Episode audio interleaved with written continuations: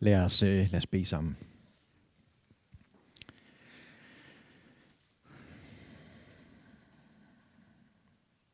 Tak, Jesus, at du er midt i blandt os. At du er opstanden, og du er her. Og du taler dit ord til os, til vores hjerter, til vores forstand. På den måde, så vi forstår det, fordi at Helligånden gør ordene levende for os. Og Jesus, vi beder om, at vi må øh, komme til dig med en jord, som er god, som kan tage imod det, du siger, og det, du sår ind i vores liv, så det må bære frugt, så det må blive til velsignelse i vores liv, i vores familier, i vores menighed. Og Gud, at der må komme en høst og en frugt af vores liv, fordi vi kender dig, og vi er i din nåde. I Jesu navn. Jeg hedder Henrik, og jeg er en af præsterne her i Betelkirken. Og her i efteråret, så er der kun én ting, som jeg prædiker over. Et enkelt lille vers fra et lille bitte brev i Bibelen, næsten hen imod slutningen. Og det er bare en lille kort sætning, hvor Paulus han skriver til en mand, der hedder Timotius. Og der står om Timotius, at øh, Paulus siger til ham, du skal ikke lade dig ringagte, fordi du er ung. Og øh, vi, hvis man regner lidt på det, så må man, så må, så må man formode, at, at, at Timotius var omkring 40 år. Og det er jo gode nyheder for sådan en som mig. Og han får at vide af Paulus, vær stærk i nåden. Vær stærk i nåden. Og øh, det, det, er sådan, det er sådan en overskrift, eller sådan et tema for alt det, jeg prædiker, alle de steder, hvor jeg er. Og nogle tænker, at det er meget nemt at være præst, ikke? Man har et budskab, man, øh, man, man arbejder med. Men det er fordi, jeg oplever, at det er, øh, det er et ord til mig selv. Jeg oplever, at det er et ord til øh, ind i de ting, som jeg beskæftiger mig med som præst. Jeg oplever egentlig, at det er et ord til, til os som fællesskab. At der er noget omkring at lære at være stærk i noget, som er meget, meget, meget centralt. Og noget, som nogle gange kan godt kan være troet i den, den tid, vi lever i. Og jeg tror på mange måder, at det, som, øh, som Kasper delte, tusind tak Kasper, jeg tror egentlig, det er det, er det samme, jeg skal sige. Jeg tror ikke, jeg kommer til at sige noget andet end det, som Kasper egentlig delte med os. Den her erfaring af, at vi skal være stærke i nåden. Kristus, han er her. Og det, som Timotius han får at vide, han var nok også, måske ligesom Kasper sagde, han var i et sted, hvor det var ret kaotisk. Timotius, når han får brevet, han er i en by i Tyrkiet, der hedder Efesus.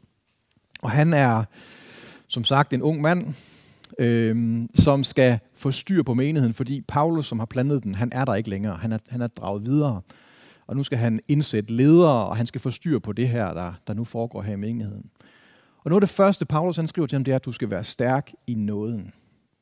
Og det han, det han egentlig siger med det her, den her sætning, det er, han siger ikke, du skal være en dygtig teolog, du skal være kompetent, du skal være en øh, visionær leder, du skal være alle mulige ting, som man nu kunne forestille sig, der egentlig skulle være den opgave, han skulle løse.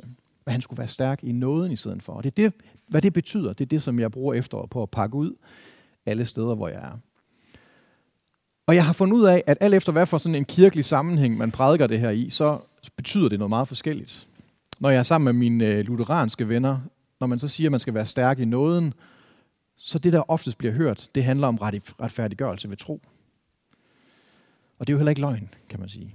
Det handler om, at når at være stærk i nåden, det handler om det, som Jesus har gjort for os. At der er noget, han har gjort, som ingen andre kunne gøre, men som får hele den afgørende betydning for os at det bliver til noget til os. At noget bliver en gave, der bliver skænket til os. Noget Kristus har gjort. Noget Kristus har fuldendt. At han har bragt et offer, så der ikke skal bringes flere ofre. Og andre steder, man kommer hen, så handler det her med, med noget, det handler mere omkring, at Gud virker med sin nåde igennem os. Det skulle det også gøre for Timotius. Der var noget, Gud ønskede at gøre igennem Timotius liv ind i den her menighed her. Jeg tror nogle gange for os i Betel, så, så, så er vi gode til det der med, at vi skal gøre noget. Aktivisme. Og vi har fået noget til at gøre en forskel. Det er derfor, vi tager til wandering. Det er fordi, vi oplever, at vi har fået givet noget, som vi skal bidrage med til vores brødre og søskende i Wanda. Det er også en del af nåden, at være stærk i nåden, det er, at vi lader nåden virke fra vores liv til andre menneskers liv. Og der er også en tredje dimension, og det er, at Nåden den er i os, og den virker i os.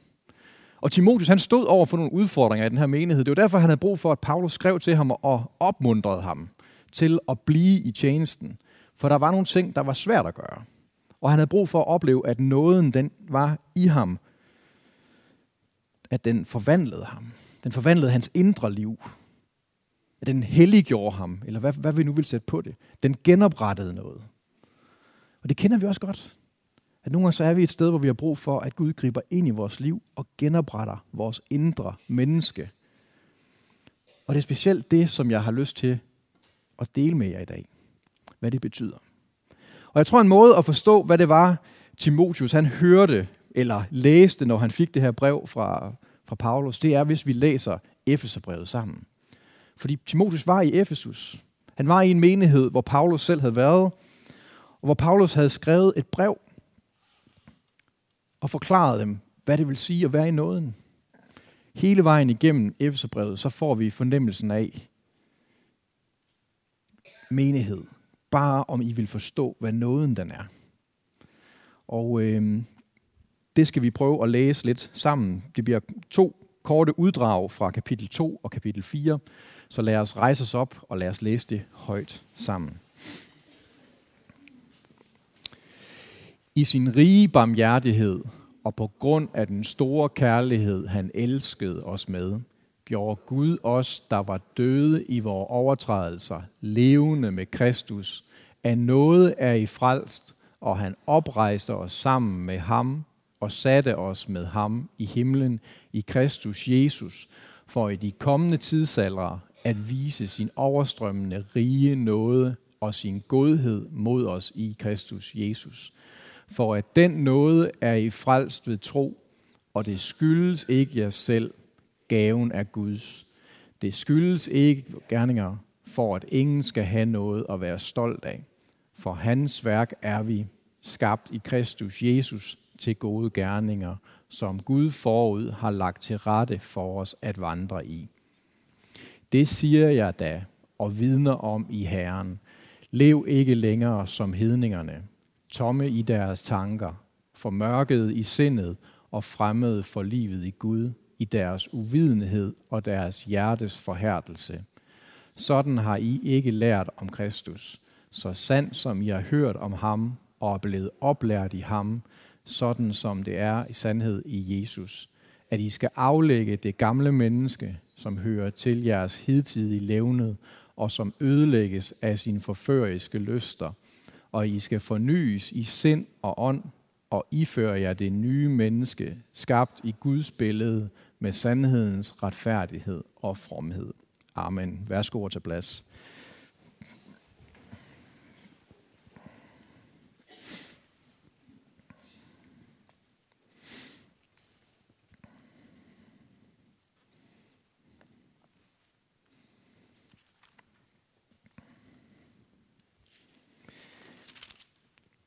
de ord, vi lige, har, vi lige har læst her, er nogle uddrag af det brev, som Timotius har haft, når han har læst, at Paulus har skrevet direkte til ham. Så har han haft de her ord her i sit baghoved. At det er noget alene. Timotius, det er noget alene, for at du ikke skal have noget at rose dig af. For der ikke er nogen i den menighed, du nu er leder i, skal have noget at rose sig af. Det er på grund af det, Kristus har gjort. Og man kan, man, kan, man kan læse igennem brevet til Timotheus, at det her det virkelig er på Paulus' hjerte, at om han dog vil forstå det, og om menigheden dog virkelig vil gribe om det.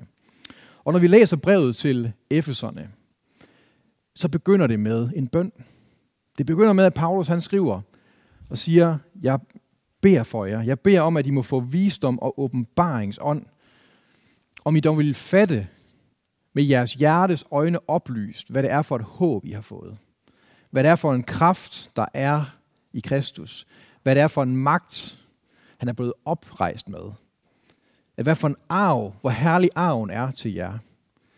Det beder jeg om, siger han. Og så kommer, så kommer det her kapitel 2, hvor vi læste fra, hvor der står det her med, at på grund af den her rige barmhjertighed, på grund af det, Kristus har gjort for os, så er vi blevet gjort levende med Kristus. Af noget er I frelst, og vi er oprejst sammen med ham. For den nåde er I frelst ved tro, og det skyldes ikke jer selv. Gaven er Guds. Det skyldes ikke gerninger for, at ingen skal have noget at være stolt af. Og det, som Paulus han siger til dem, det er, Gid I dog vil holde det her for sandhed for jer selv, for jer som menighed. Gid I dog vil holde fast i det her, det er rigtigt. Fordi der er noget i det, som er utrolig svært for os at acceptere. På den ene side, at vi overhovedet har brug for, at Gud han griber ind. Fordi vi synes måske egentlig, vi har styr nok på det selv. Ikke? Og nogle gange så skal vi derud, hvor vi med Kasper så vil sige, nu har jeg gravet så stort et hul, det har taget meget lang tid at grave hullet, og nu er det næsten endnu sværere at komme op igen, ikke? før vi rent faktisk indser, at vi har brug for det. Ikke? Det er det, han siger, Paulus, det er, forstå det. I har brug for Guds nåde. I har brug for at begynde med noget. I har brug for at være stærke i noget. Og derfor så tegner han det her billede for dem. Hvad betyder det? Det betyder, at Kristus har gjort noget for jer, så I ikke behøver at gøre det. Og som øh, da, vi, da, jeg, da jeg prædikede om det sidst i september, så sagde jeg det her med, vi skal huske på, at den her kultur, de lever midt i, det er sådan en pralekultur. I den romerske verden, der var det sådan her, hvis du havde begået en eller anden bedrift, og du ikke kunne prale med det, så var det ikke noget værd. Hvis du har begået en bedrift, og du ikke kan prale med den, så er den ikke noget værd. Det, der er interessant, det er, at det minder så meget om vores kultur. Hvis ikke du kan tage et billede af det med din smartphone, og lægge det ud på Instagram, eller snap det til en eller anden ven, så tæller det ikke. Hvis ikke Endomondo har registreret, hvor langt du har løbet, og hvor mange kalorier du har forbrændt, så har du ikke løbet den tur. Vel. Og det var sådan her på, på lige uden for, lige uden for Efesus, længere ned ad kysten, der var sådan en ø uden for Tyrkiets, Tyrkiets kyst, der hedder Rodos. Og på den her ø her, der var der mere end 3.000 statuer. Fordi den romerske kultur, det var sådan en se mig-kultur. Se, hvad jeg har bedrevet.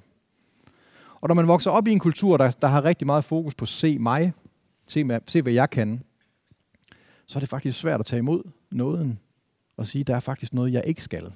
Der er noget, jeg ikke kan. Der er noget, jeg har brug for, at den anden gør for mig. Og derfor så havde, så havde Timotheus brug for at høre de ord.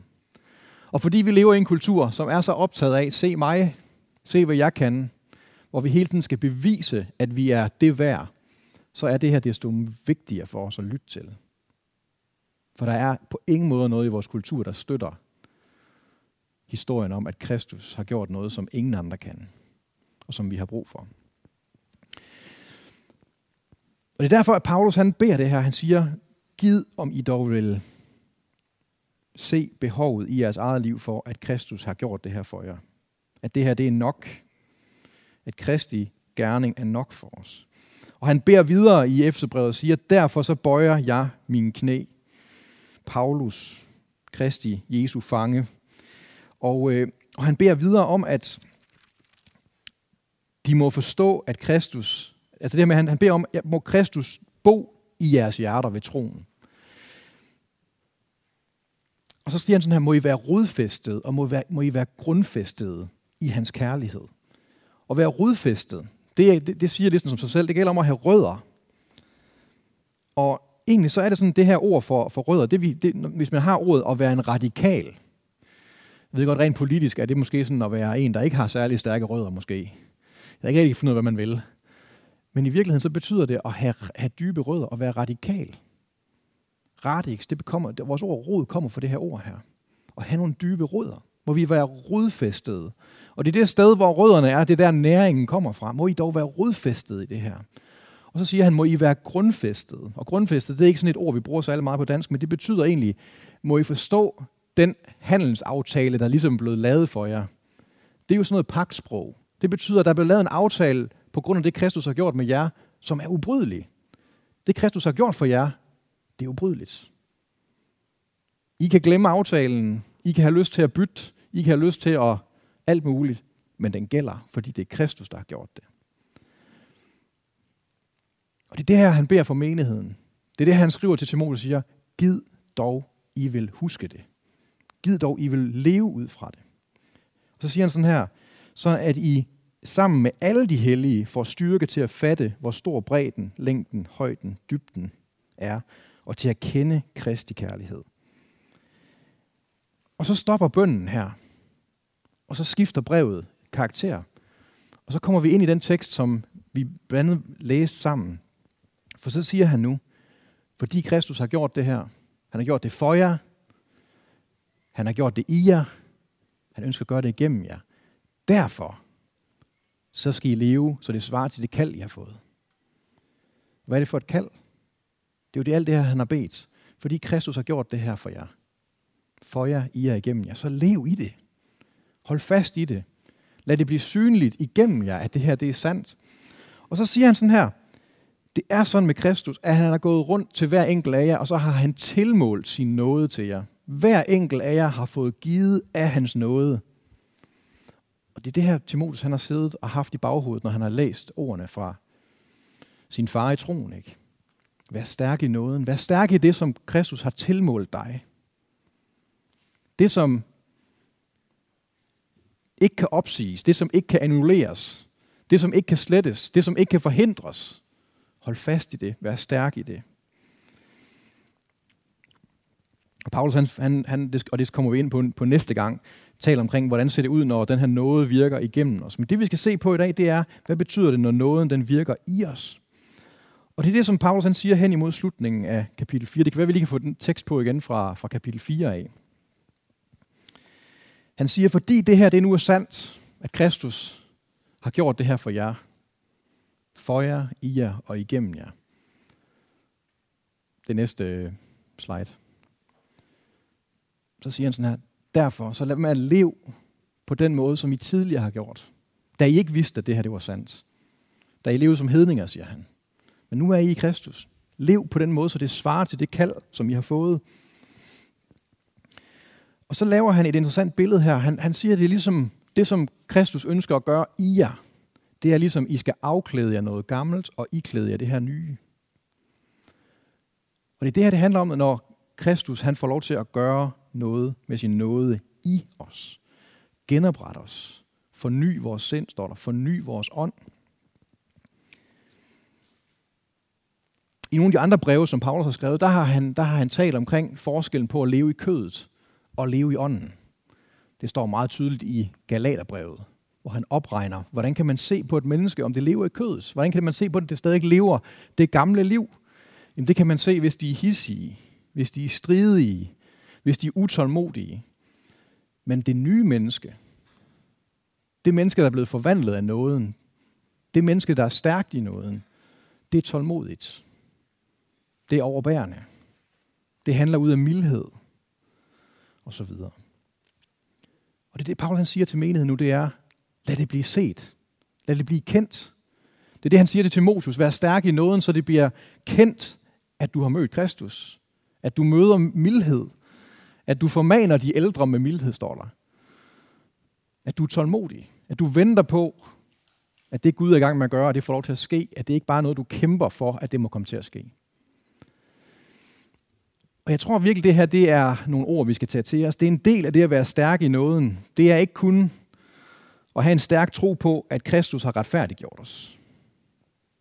Det er ikke kun at have en stærk tro på, at han kan virke med sin nåde igennem vores liv og give os nådegaver, og vi kan være karismatiske osv. Men det er lige så meget det her med, at vi tror på, at nåden er til for at genoprette os og styrke vores indre menneske. Fordi når livet det trykker os hårdt på maven, så er det ikke altid det er mildhed, og det er glæde, og det er tålmodighed, der kommer ud, vel? Der er sådan et begreb, der hedder road rage. Det, det lyder federe på engelsk, end det gør på dansk. Det er sådan vejvrede.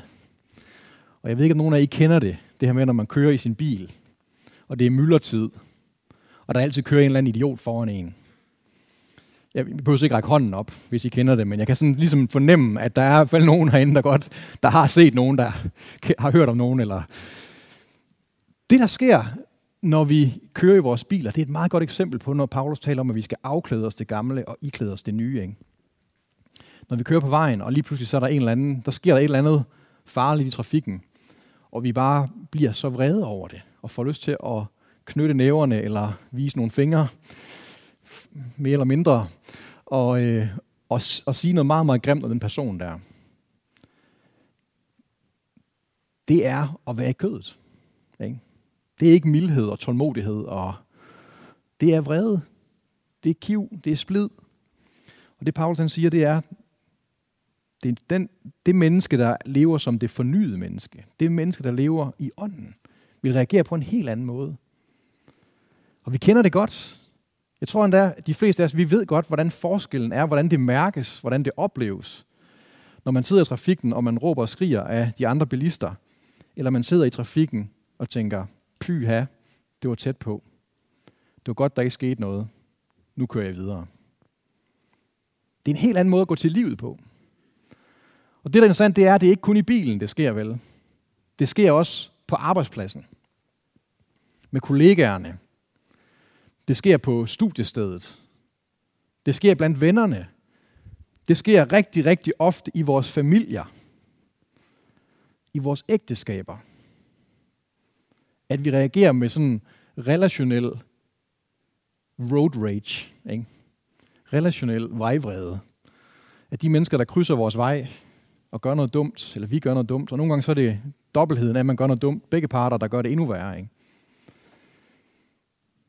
Det har vi brug for nogle gange. Vi har brug for det her, de her skriftsted her, og holde det op som et spejl for os selv og sige, hvor er vi henne som menighed? Paulus holder spejlet op foran menigheden i Efesus.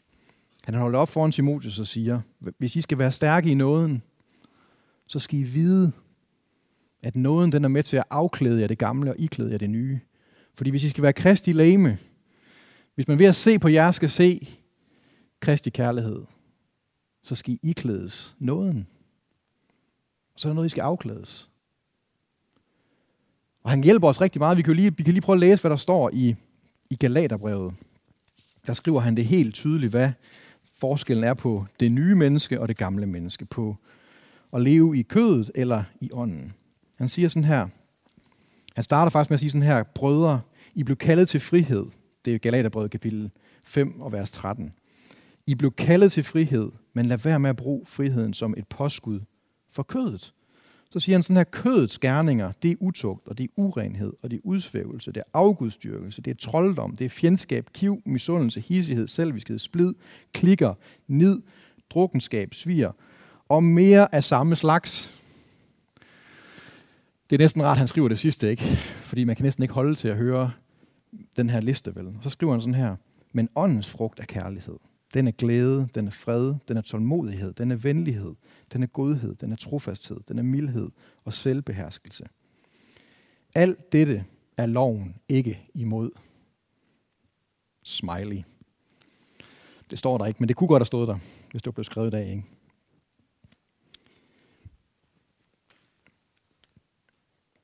Det han skriver til galaterne, det er fuldstændig det samme, han skriver til menigheden i Efesus. Det er det, han skriver til alle menighederne. Og det er lige så gældende dengang, det er lige så relevant for os i dag. Vi skal simpelthen holde op med at leve som hedningerne.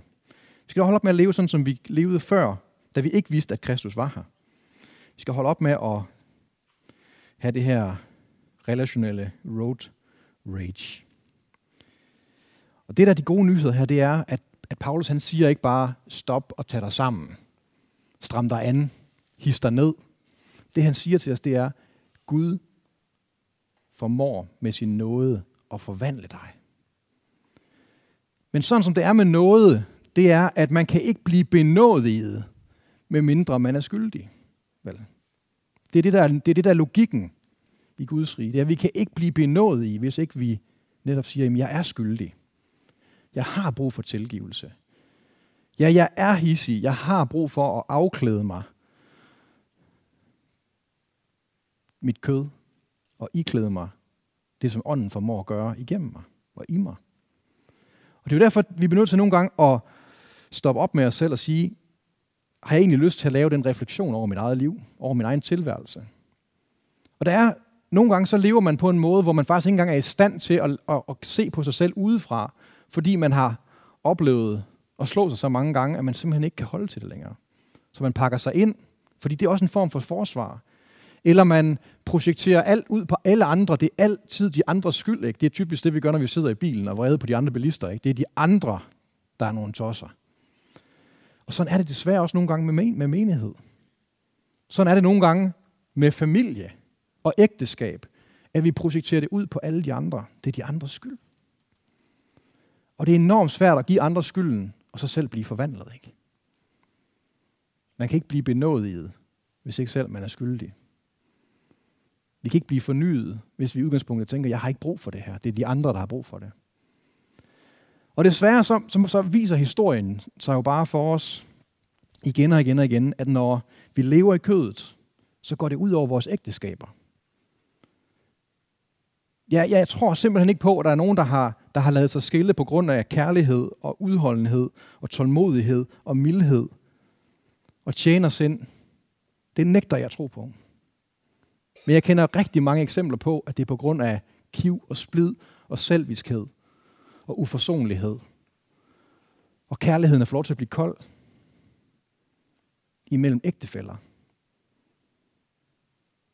Jeg kender det fra min familie, jeg kender det fra nogle af jeres familier, at det sker imellem brødre, imellem søskende, imellem fædre og kusiner.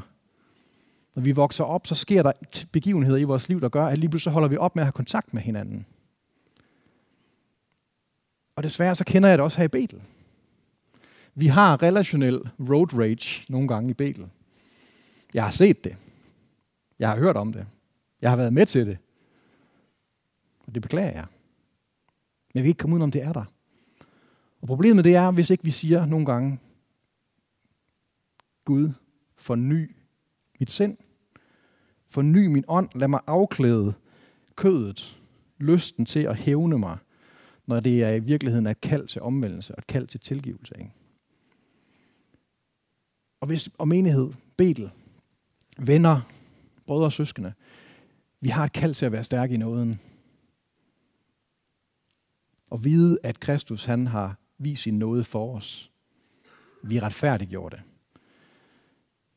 Vi har et kald til at lade nåden virke igennem os og tjene hinanden og tage til Afrika og plante nye menigheder og uddanne nye præster og lave foodbank og velsigne byen og så videre, så videre.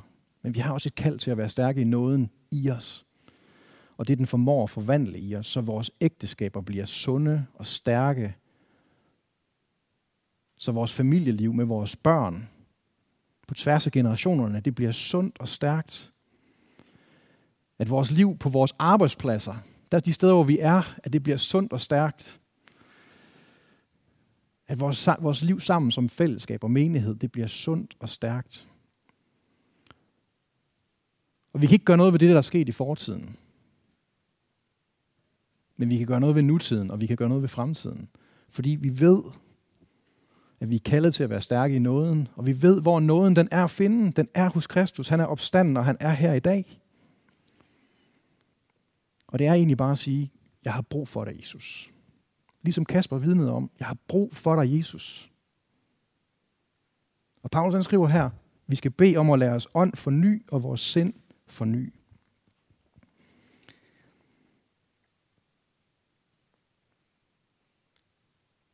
Og hvis du længes efter det her, Paulus han skriver sådan her, i noget af det vi læste, der skriver han sådan her, for hans værk, det er vi skabt i Kristus Jesus til gode gerninger, som Gud forud har lagt til rette for os at vandre i. Hvis du længes efter at, at, at vandre i gode gerninger, så kan det være, at det begynder med, at du beder om, Gud, må du gøre din gode gerning i mig, så jeg afklæder mig det gamle og iklæder mig det nye, så jeg kan bringe det. Fordi jeg ved, at du vil lægge det til rette for mig. Jeg ved, at du vil gøre det, fordi det er dit ord til os. Jeg har bare lyst til, at det skal være vores bøn sammen her til sidst. Lad os bede om, at det her det må blive sandt for os. At Jesus Kristus, han er opstanden, han er her. Og det her, det kan, blive, det kan vi tage imod lige hvor vi er nu. Lad os bede sammen. Jesus Kristus, hjælp os til at være stærke i din nåde. Og vis os hver enkelt, hvad det betyder for os, når vi spejler vores liv i dit ord. Når vi spejler vores liv i det, du kalder os til, og aflægger os det gamle og iklæder os det nye. Til ikke længere at leve i kødet, men at leve i det, som ånden gør. Og tak, Jesus, fordi at vi kan være forvisset om, at det her, det skyldes ikke os selv. Alt det, du har gjort, det er nok. Og Jesus, du lever i dag, du er opstanden, og din nåde, den er nok for os. Den er nok til at forvandle os. Den er nok til at forny. Den er nok til, at det, der engang er sket, at det ikke behøves at regere vores liv i fremtiden. Men hjælp os, Jesus, til at ture og stå foran dig og sige, jamen vi er skyldige her. Vi har brug for at blive benådet. Vi har brug for at få nåden, for at kunne blive stærke i den.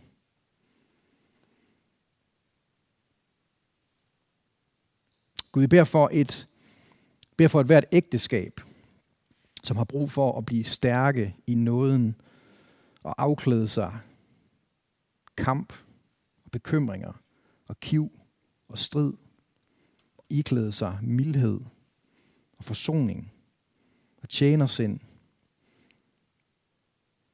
og alt det, som ånden gør. Gud, vi beder for de ægteskaber. Gud, tak fordi, at det aldrig er for sent for dig at gribe ind. Og du er lige her, og vi kan række ud efter dig. Gud, jeg beder for de, øh, de børn og de søskende, som har mistet kontakten til deres forældre, eller de forældre, der har mistet kontakten til børn, eller de søskende, der har mistet kontakten til søskende. Gud, tak fordi, at det er muligt for dig at genoprette det, som er brudt. At du formår at vende vores hjerter til hinanden. Du formår at forvandle det, som vi slet ikke kunne forestille os kunne blive gjort nyt, men det kan blive nyt igennem dit rige. Og Gud, vi beder for alle dem, som oplever brudte relationer i deres familie. Gud, forbarm dig over os. Hjælp os til at afklæde os det gamle og iklæde os det nye, så vi kan være noget ind i de familierelationer, vi har, der er brudte. Gud, vi beder for dem, som kæmper på deres arbejdsplads, på deres studiested, hvor det nemmeste det er at vælge hårdhed, utålmodighed, magt. Gud forbarm dig over os. Hjælp os til at vælge mildheden, forsoningen, tålmodigheden, tjenersindet. Gud hjælp os til at vælge det, som bringer yndest på grund af dit rige. Og Gud giver os styrken og mod til at demonstrere dit rige de steder, hvor det ikke er, hvor det ikke findes. Og Gud, jeg beder dig for os her i Betel. Forbarm dig over os, når vi fejler i det her. Når vi lader kødet få lov til at være det første i stedet for ånden, når vi møder hinanden, når vi, når vi taler om de ting, der er svært, når vi taler om de ting, vi er uenige om, når vi taler om, eller vi gør ting, som vi ved ikke var for dig af. Gud tilgiver os. Hjælp os til at være stærke i nåden. Og Gud tak, fordi det aldrig er for sent. Gud tak, fordi det aldrig er for sent for os at vende om til dig. Gud tak, fordi det aldrig er for sent at række ud efter dig og sige, Jesus, jeg har brug for dig.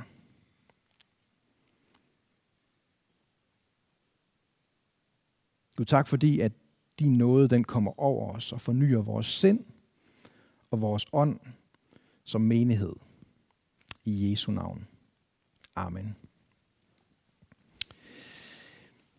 Vi vil øh,